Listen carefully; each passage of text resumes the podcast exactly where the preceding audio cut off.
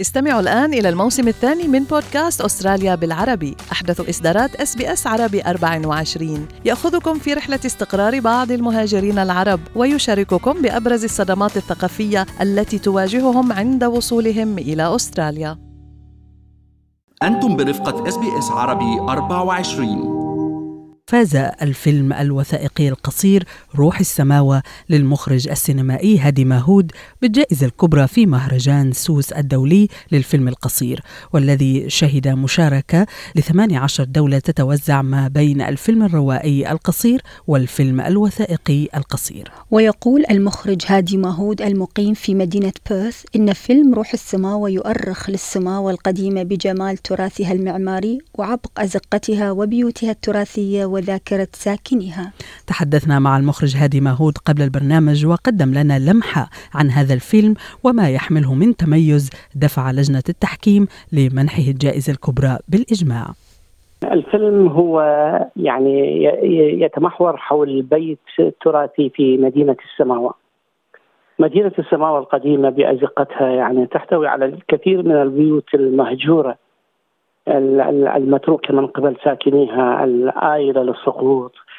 آه، فهذه هذه الأزقة الضيقة هذه البيوت بطرازها الجميل يعني هي تشكل هوية لمدينة السماوه لكن المشكلة هو الجهل بأهميتها يعني. أحد هذه البيوت عائد للأستاذ عبد اللطيف الجبلاوي أبو مراد يعني اللي قرر أن يرفض فكرة آه، هدم بيته يعني وبناء آه، أسواق مكانه من قبل ورثة هذا البيت يعني فهو تملك بشكل كامل وأعاد ترميمه يعني مع الاحتفاظ بكل تفاصيل البيت بطرازه الجميل جدا وجعل آه، هذا البيت هو مفتوح لكل الأنشطة الثقافية في مدينة السماوات. فمن خلال هذا البيت اللي صورته بالطراز المعماري بغرفه بذكرياته البحث في ذاكرة أبو مراد نفسه يعني اللي هو ولد في هذا البيت يعني تعرفنا على ثقافة المدينة على الترابط الاجتماعي على العلاقات الجميلة في في تلك الأزقة يعني قبل أن يغزوها هذا التجديد غير منضبط يعني. يعني أنت عندما تغادرين هذه الأزقة القديمة إلى الشارع الآخر يعني شارع باتا مثلا أو الشوارع الأخرى المحيطة به. تجدين فوضى بصرية غير منضبطة يعني من خلال آه، طرز بناء يعني يعني الغرض الأساسي الهدف الأساسي هو هذا يعني الجشع التجاري يعني بغض النظر عن هذه الطرز الجميلة اللي تخبيها هذه هذه الأزقة. من خلال هذا هذا البحث يعني ذهبت إلى الناس الكبار السن يعني اللي يحملون ذاكرة قوية جدا يعني آه، تحدثوني عن عن تلك الفترة عن فترة الخمسينات وما قبلها اللي هم عاصروها يعني فطبعا يعني أنا أشعر بالحزن أنه بعض هذه الشخصيات التي التقيتها في زمن الفيلم هم توفوا يعني أنا كان واحد من أهدافي أن أوثق هذه الشخصيات وهذا ما حصل يعني. الفيلم يعني شارك في البداية في المهرجان العربي لفيلم التراث بالقاهرة وحصل على جائزتين في وقتها.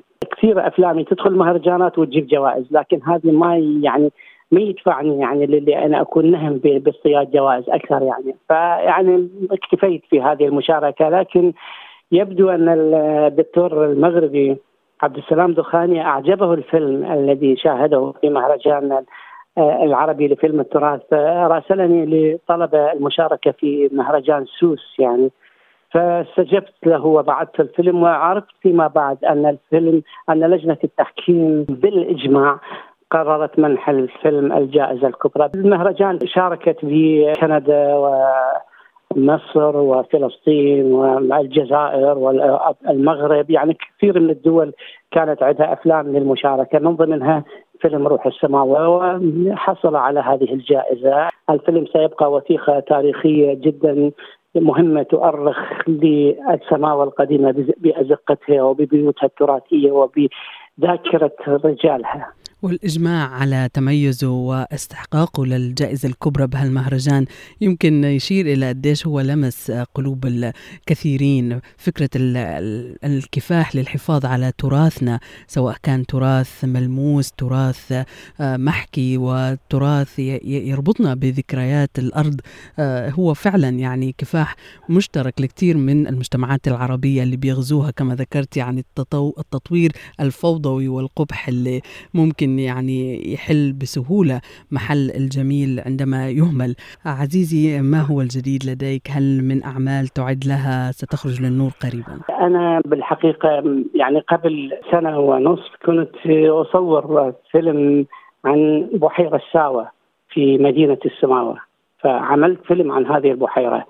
هذه البحيرة تاريخية جدا عمرها 7000 سنة. على مدى 7000 سنة كانت هذه البحيرة مناسيب مياهها فوق مستوى سطح البحر. لكن الآن بالسنوات الأخيرة يعني سنوات آه هذا التغيير اللي حصل يعني آه جفت البحيرة بشكل كامل. أين ذهبت المياه؟ يعني سرقت. هذا البحث اللي أجريته بالفيلم يعني تأكدت أن هناك سرقة للمياه من قبل هاي عشوائية الاستثمار بالمناطق المحيطة بالبحيرة المعامل اللي, اللي, اللي, اللي أسست زين. سرقت لأن البحيرة تتغذى من المياه الجوفية فكانت هذه المشاريع تسحب المياه قبل الوصول للبحيرة ففقدت ال... فقد العراق والعالم. آه، بحيرة تاريخية ذكرت بالتاريخ يعني وصمدت كل هذه الدهور لكن هذا التغيير يعني فدائما أنا أختار موضوع وأسقط موضوع أكبر وأشمل من خلال هذا الموضوع ربما يكون صغير. فالبحيرة وجفافها هذا انعكاس لجفاف ما يحدث بالعراق من سرقة لثقافة العراق وثروات العراق وتدمير العراق بشكل منظم. يعني من قبل من تعاقبوا على حكمه يعني. الفيلم في مراحل المونتاج الأخيرة. بداية يعني الشهر السابع راح يكون جاهز للعرض. على الصعيد الروائي فأنا أحضر الآن بعنف وباصرار لفيلم روائي طويل آه، تدور أحداثه بين أستراليا والعراق. عن رواية لزيد الشهيد اسمها جاسم وجوليا يعني. فيعني سيكون هناك تصوير في بيرث وفي تصوير آخر في بغداد. يعني يعني الآن عندي اتصالات بجهات داعمه استرالية.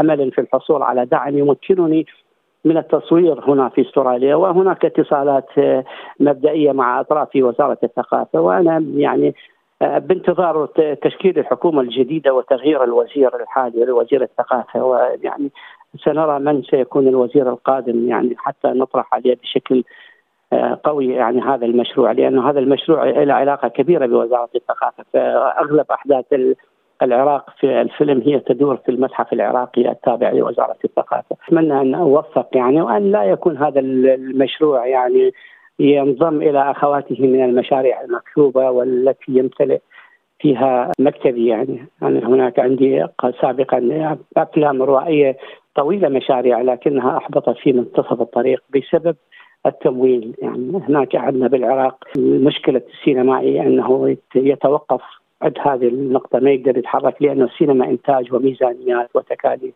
القطاع الخاص بالعراق قطاع فاشل ولا يمكن يعني ما يقدر يجازف يعني حتى يصنع سينما عراقية. فيلجأ السينمائي العراقي إلى الدولة، الدولة مشغولة بالنهب والسلب وال والسرقة والتخريب يعني اقولها بصراحه وأنا مسؤول عن كلامي يعني العراق بلا ثقافة بلا سينما بلا مشاريع يعني إحنا الضحية يعني و... نأمل عزيزي أن يظل ويبقى العراق مهد للحضارة ومنارة للثقافة ليس فقط في المنطقة بل في العالم.